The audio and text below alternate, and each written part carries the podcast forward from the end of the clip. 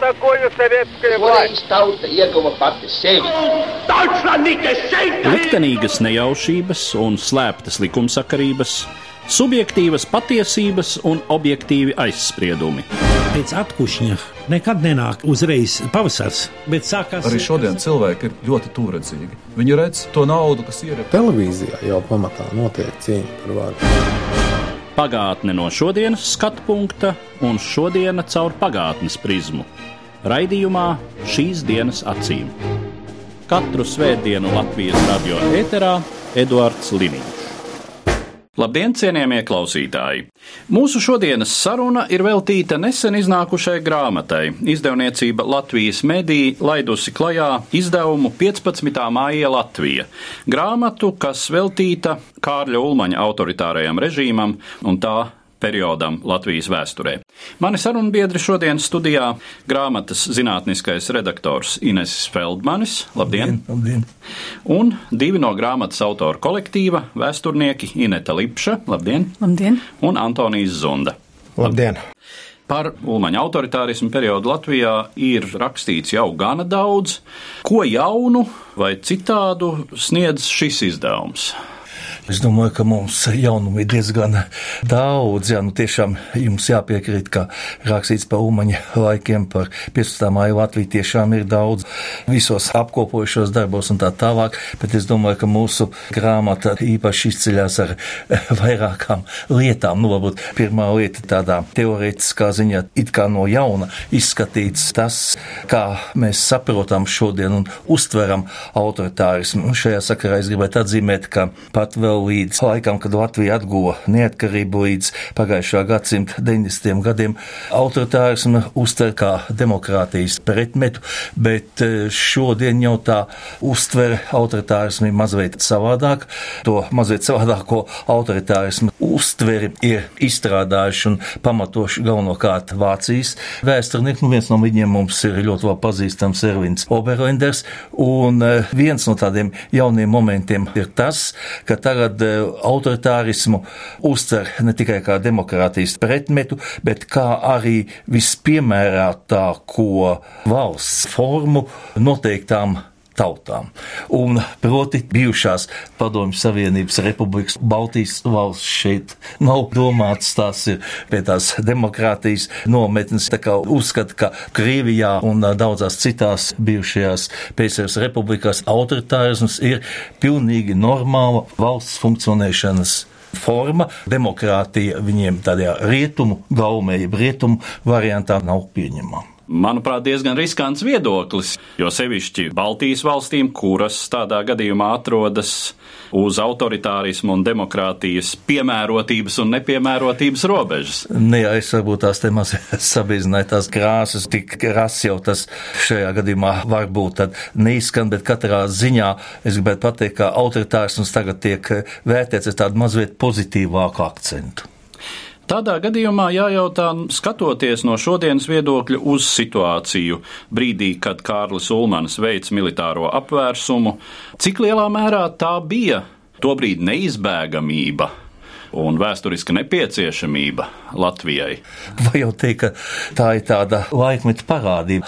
Starpkara periodā jau ļoti bieži ir tādi posmi, kad nodibināt šādi autoritāri režīmi, demokrātiskās valsts it kā nokļūst aizsardzības pozīcijā. Ja mēs skatāmies tā cauri visu starpkara periodu, tad demokrātijas uzplaukuma laiks jau ir tikai paši 20. gada mm -hmm. sākums. Ja? Un ar 1922. gada oktobri, kad nāk nāk Itālijā pie varas Benito Mussolini, jau iesākās pirmais autoritārismu vilnis. Un parasti vēstnieki runā vai nu par diviem vai trim autoritārismu viļņiem starpkara periodā, un ja runā par trim autoritārismu viļņiem, tad trešais autoritārismu vilnis tieši aptver 30. gadus no 33. gada. Tā dzinējs spēks ir Hitlera nākšana pie varas Vācijā, nu, protams, tad tā trešā autoritārisma viļņa ietvaros iedibinās arī autoritārs režīms Latvijā. Kā mēs skatāmies šobrīd uz šo ulmaņa režīmu, ja mēs to salīdzinām ar citiem līdzīgiem?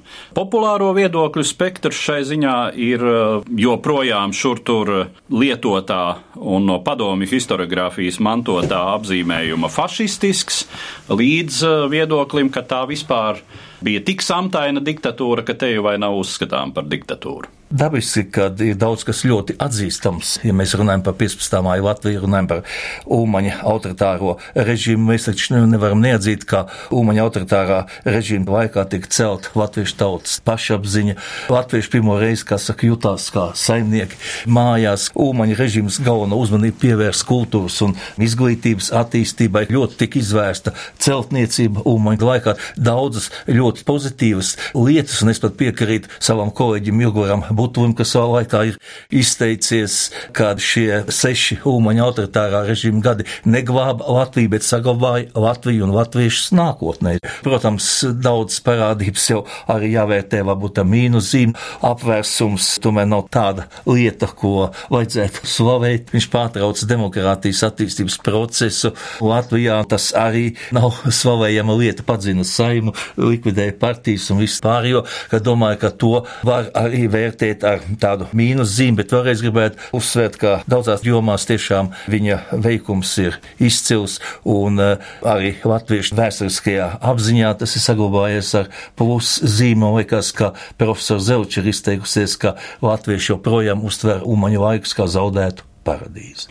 Par to es arī gribētu mūsu sarunas turpinājumā runāt sīkāk. Kādi tad ir tie būtiskie iemesli, ka Vispār starpkaru Latvija bieži vien iegūst šo apzīmējumu Ulmaņa laiki, un uh, Ulmaņa laikiem ir šī zaudētās paradīzes, šī zelta laikmeta aura. Es domāju, ka te jau nav jāsaspringst īpaši, jo ir tāda lieta kā tautas vēsturiskā atmiņa.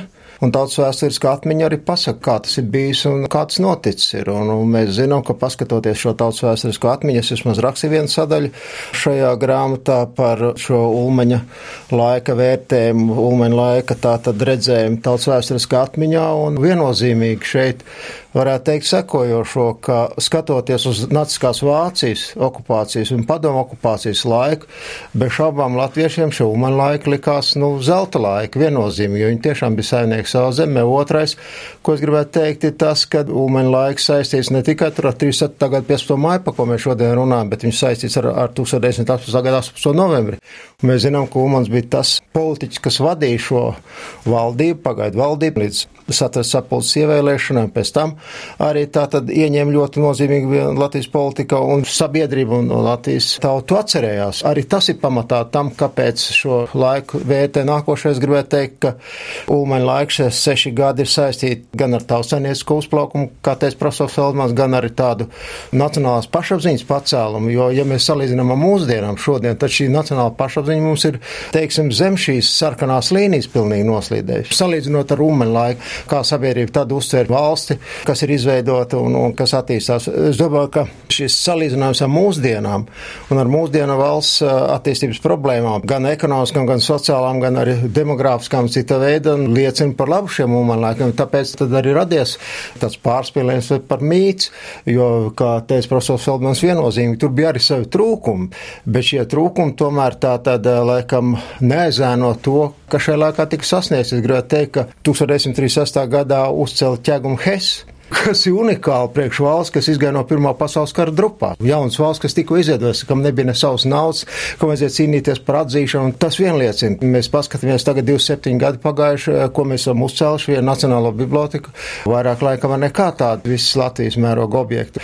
Un es domāju, ka ja šodien aizbraukšu vairāk kā 200 tūkstoši iedzīvotāju, ja katru gadu no zemes virs Latvijā tiek noslaucīta pilsēta ar 10-15 tūkstoši iedzīvotājiem, viņi vienkārši pazūd, tad ūmeņa laikos tā tas nenotiek. Un tāpēc uz šīm mūsdienu fonu radies šāds pozitīvs skatījums un ne bez pamata, es domāju. Jautājums par to, kāda tad bija tā faktiskā dzīves situācija Latvijā, ja mēs to salīdzinām ar kaut kādiem mūsu šodienas priekšstatiem un arī ar situāciju citur Eiropā, pasaulē. Ko mēs varam teikt par to ulmaņa laika Latviju, vai patiešām tā bija zeme, kur tā sacīt, piens un medus tecēja Man šķiet, ka šie romantizētie priekšstati par to vispārējo uzplaukumu, tas ir tāds eh, milzīgs vispārinājums attiecībā uz tām realitātēm, kas Ulmaņa režīma laikā notika. Protams, ka bija šīs labās lietas, kā jau profesori minēja, bet ja mēs pievelkam to fokusu tuvākās sakas, skatāmies ne ar tādu palielu attālumu uz to laiku, tad parādās daudz ikdienišķās dzīves reālijas, piemēram, kaut vai saistībā ar to ķegumu heisu vai uzvaras laukumu izbūvi un tā tālāk. Te viss parādās piespiedu ziedošana iedzīvotājiem, kas tika pieprasīta. Tāpat arī, ja mēs skatāmies uz saimniecības uzplaukumu, tad mums ir jāatzīst, ka visā pasaulē jau iziet ekonomikas no krīzes, un tas ir ļoti dabiski, un nebūtu ulmanis, būtu cita valdība, tas uzplaukums jau tāpat notiktu. Cita lieta, ka tika pieņemti lēmumi, jo, piemēram, ķeguma Hesu sāka, protams, būvēt Tulmaņa laikā, bet idejas plāni par Hesa celtniecību jau bija parlamentārās demokrātijas laikā. Tā kā diez vai te varētu runāt par tādu neizbēgamību, ka Ulbans, teiksim, bija neizbēgams Latvijai agri vai vēl šie jautājumi tiktu risināti. Vienīgais, ka te bija tāda mērķtiecība. Bet, ja skatās uz to, kā cilvēki reāli dzīvoja, tad, protams, jāatcerās Ulmaņa propaganda, un tas ir arī nacionālisma, vienotības, vienības un tam līdzīga propaganda, un kā tas atsaucās uz iedzīvotāju dzīvi, piemēram, politiskās policijas darbības, zinām, mērā aktivizēšanās, iedzīvotāju novērošana un tam līdzīgi, un to mēs varam vērot arī publiskajā telpā, ka 30. gadu beigās Rīgas kafejnīcās un Latvijas lielāko pilsētu kafejnīcās staigāja policijas kārtībnieki, pārbaudīja dienas vidū apmeklētāju dokumentus, un tas viss bija saistīts ar tā saukto sliņķu slaistu un slīmestu apkarošanu, un šīs idejas, kas skartu teju vai katru Latvijas iedzīvotāju, ja mēs skatāmies tādā ilgākā laika posmā, piemēram, demogrāfijas politika un idejas, kas tika publicētas presē un, un ieplānotas projektos par to, ka valsts dienestā neņemt darbā vīriešus, kas ir vecāki par 30 gadiem un nav vēl precējušies, vai neņemt darbā cilvēkus, kuriem nav bērnu, un tam līdzīgi, nu, arī tādi pavisam reāli plāni palielināt nodokļus un tam līdzīgi attiecinot šos nodokļus arī pat uz trīs bērnu ģimenēm. Vārdu sakot, tās ieceres un, un jau apspriestie projekti, viņi jau bija ļoti plaši un viņi skartu lielāko daļu Latvijas pieaugušo iedzīvotāju, un tas vienkārši nenotika padomju okupācijas dēļ. Un tāpēc es gribētu teikt, ka šis romantizētais priekšstats par Ulmanu laikiem, kā zelta laikiem vai zaudētās paradīzes laikiem, es to skaidrotu tomēr tādā šaurākā izpratnē tieši salīdzinājumā ar padomju okupācijas posmu. Nevis jau ar to, kas notiek mūsdienās, teiksim, ekonomikā un tam līdzīgi, bet tieši saistībā ar padomju okupācijas posmu, jau, piemēram, padomju laikā rakstītās dienas grāmatas, es vienu tādu lasu, kas ir rakstīta no 40. gada 1. jūnija līdz 96. gada 12. martam, kad cilvēks nomira, un šai dienas grāmatai cauri tu vari gadu gaitā izsakot tam riebumam, kas veidojas pret šo barbarisko iebraucēju realitāti. Un cilvēks, kurš pēdējās Latvijas demokrātiskajās vēlēšanās 31. gadā balsoja par sociāldemokrātiem, 95. gadā atjaunotās Latvijas pirmajā saimā, pirmais viņš pēc neatkarības atjaunošanas iestājas pilsoņu kongresā un, protams, balso par LNNK. Un līdz ar to, ja pasaules karš sāktos dažus gadus vēlāk un Nulmaņa autoritārai valdībai būtu lemti vēl divi, trīs gadi, tad tas, kā mēs mēs to atcerētos šodien, iespējams atšķirtos no tā, kā tas ir šodien.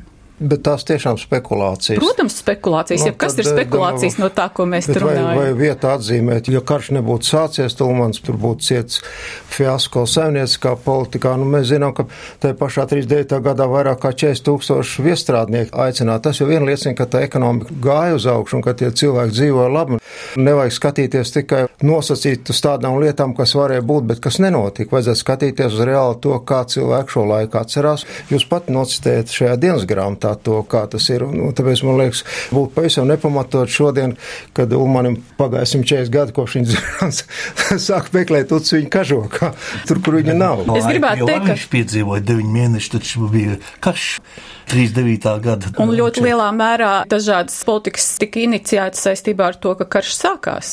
Bet tas neatceļ arī to, ka reāli Ulmaņa politikas izstrādātāji strādāja pie projektiem, bīdīja un apsprieda un tam līdzīgi mērtiecīgi, un Ā, nu zinot, jā, kā Ulmans jā. mērtiecīgi visu darīja, tas arī būtu noticis. Jā, bet tu vajadzētu pastāstīt ar ir to, ka viņš teica, ka jādibina ir partija un jātais vēlēšanas ar to Partija, teikt. nu jā, protams, Ja karš nebūtu bijis droši vien, ka pēc pāris gadiem tas būtu noticis. Man jau patīk, protams, arī dažādas spekulācijas, cik tālu es neesmu vēsturnieks. Iedomājoties, ja Latvija būtu Portugāle, atrastos Pireneju pussalā un tā tad paliktu nost no otrā pasaules kara procesiem, tad eh, ļoti iespējams, ka Ulmans beigtu apmēram tāpat kā Salazārs pēc ļoti ilga diktatūras posma, tomēr būtu revolūcija, būtu šī režīma sabrukums un tad deulmanizācija, kuru latviešu Jā, nu, tauta tas ir laikam jau objektīvi, jā, tiešām. Jā. Jā.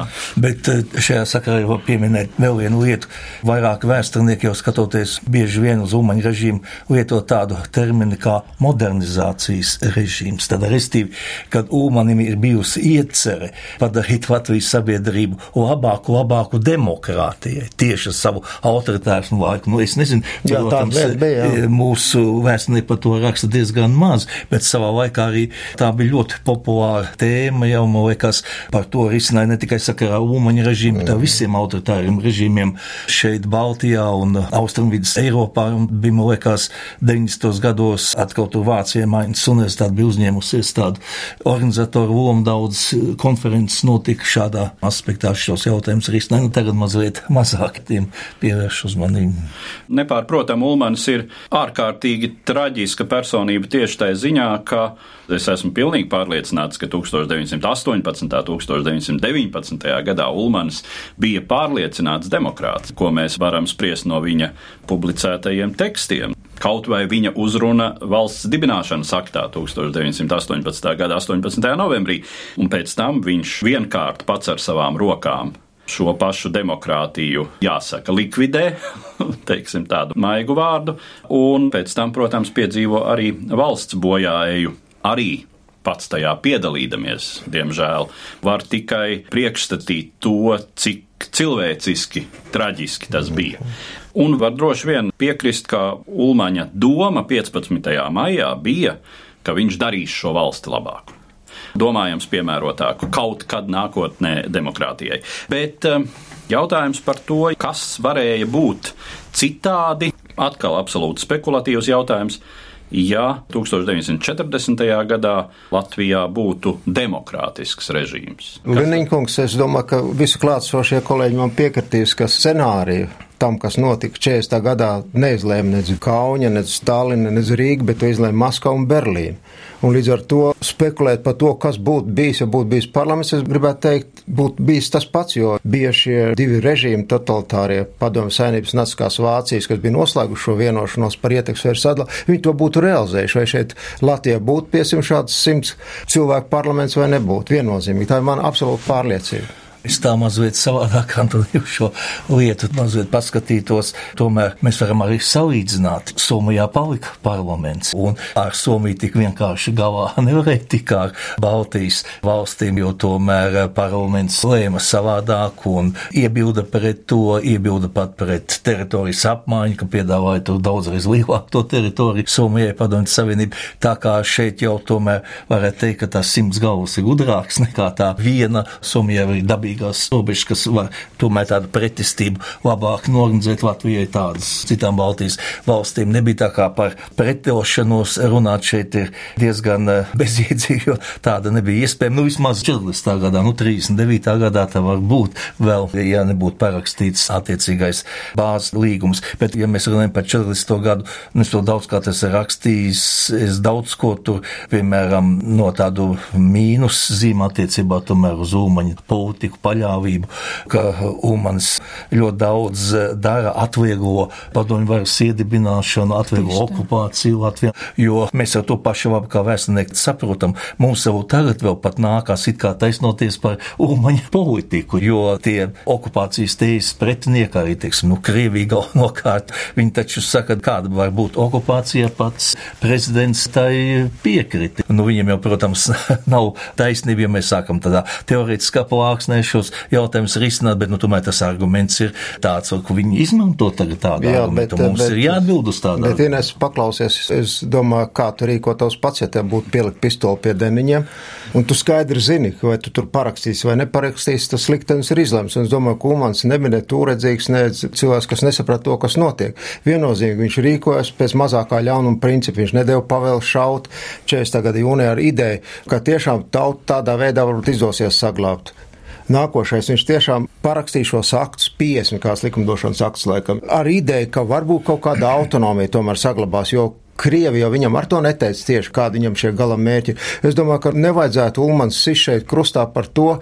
Paskatīsimies, kā citi varētu rīkoties. Kā tu pats rīkoto šajā situācijā? Es Tev tomēr... tu vēl nepateici, ka viņš 5000 latu ziedoja sarkanai palīdzībai. Tad tu būtu pavisam vienkārši. domāju, ja, no, es, jau viņš pavaicāja pensiju ja, arī. Savu viedokli gribētu tā īsi vienu teikumu rakstot. Es domāju, ka tomēr Ulmaņa režīmam vajadzēja izšķirties par simbolismu. Jā, bez šabām simboliski. Bet tas arī piekrist profesoram Feldmanam tajā ziņā, ka parlamentārās demokrātijas apstākļos, ja mēs domājam par individu un to, kā viņš domā un uztver realitātes parlamentārajā demokrātijā un autoritārajā režīmā, kad jau sešus gadus bija šis spiediens uz individuālo brīvību un tam līdzīgu apspiešanu, ka kaut vai mežos būtu daudz vairāk cilvēku, kas būtu pretojušies, un tas, kā mēs to šodien tad varētu interpretēt, tas būtu pavisam arī cita lieta.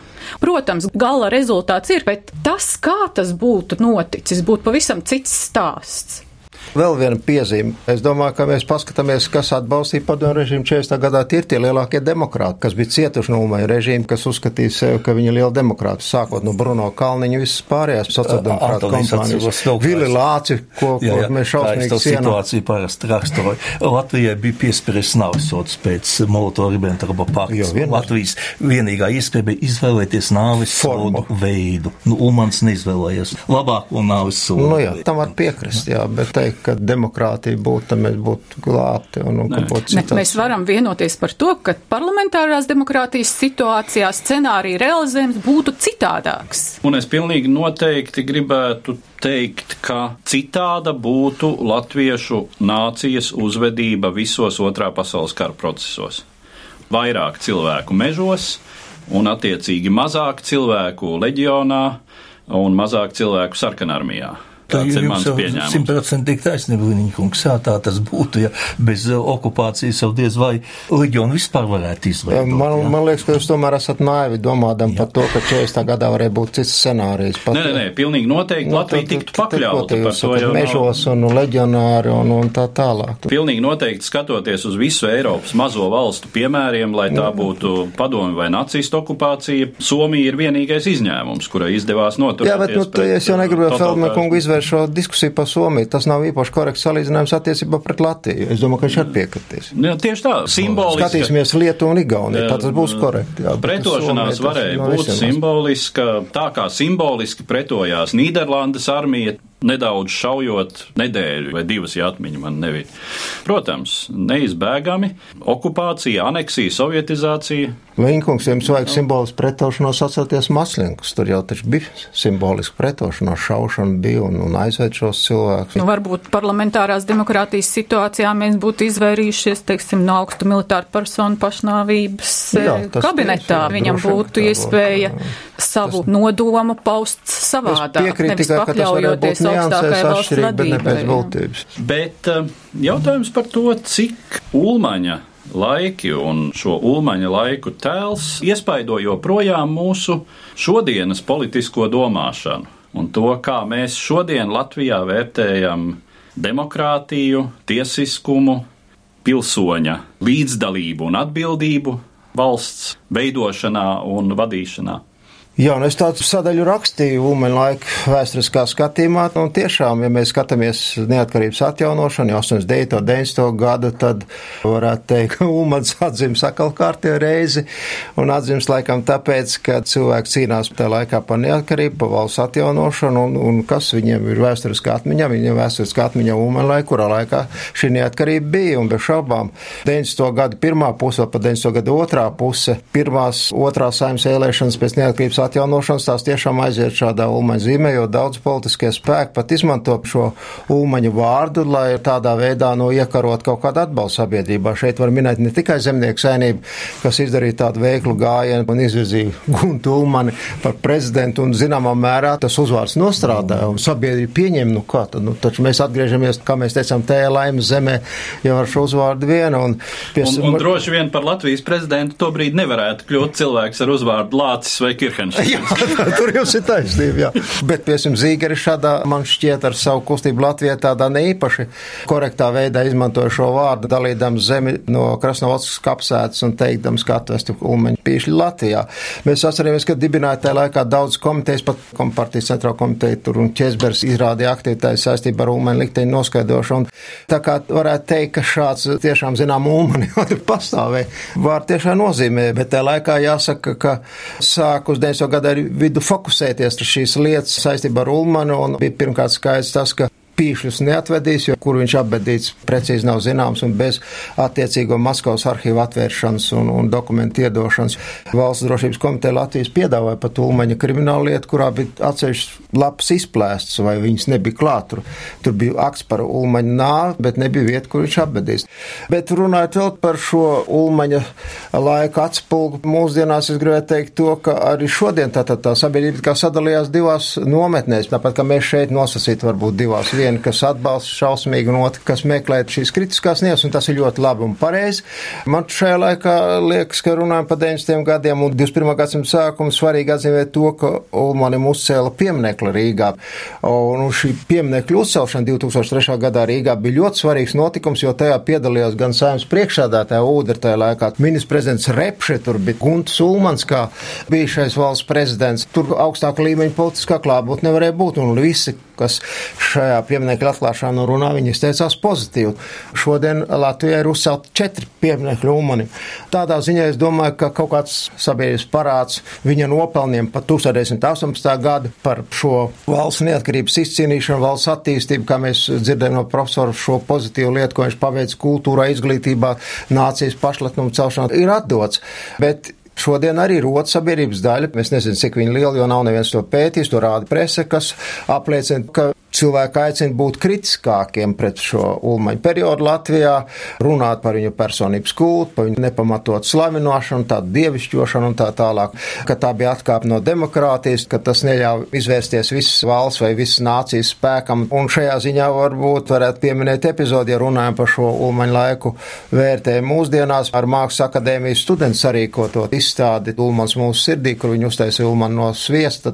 Tādā veidā ironizēt, mēģināja parādīt, ka nav ko tur 21. gadsimtā pārāk skatīties pagātnē un redzēt tajā tikai pozitīvu, vajag iet uz priekšu. Tad es vēl gribētu nocitēt ar Ābramu Kļetskini, kas ar zinām personību redzams komunikācijas eksperts, un viņš saka, ka tieši pašreizējās Latvijas valdības varbūt neveiksmes un netik labi rezultāti valsts attīstībā liek cilvēkiem meklēt nostalģiju kaut ko labāku un salīdzināt to, kas ir bijis labāk, un šajā sakarā lūk šī Ulman laika ar uzpeldu. Un nevajag mums baidīties no tā. Tā ir mūsu vēsture, varbūt pat lepniem vajag būt ar šo vēsturi, nevis meklēt viņā kaut kādas uts un teikt, jā, bet tur tiešām demokrātija ierobežo. Un ja demokrātija nebūtu ierobežot, būtu bijis kaut kāds cits scenārijs. Ko mēs varam darīt? Vēsture ir tāda, ka viņi nevar pārtaisīt, kāds ir bijis, tā ir bijis, un spekulēt tur īpaši nevajadzētu.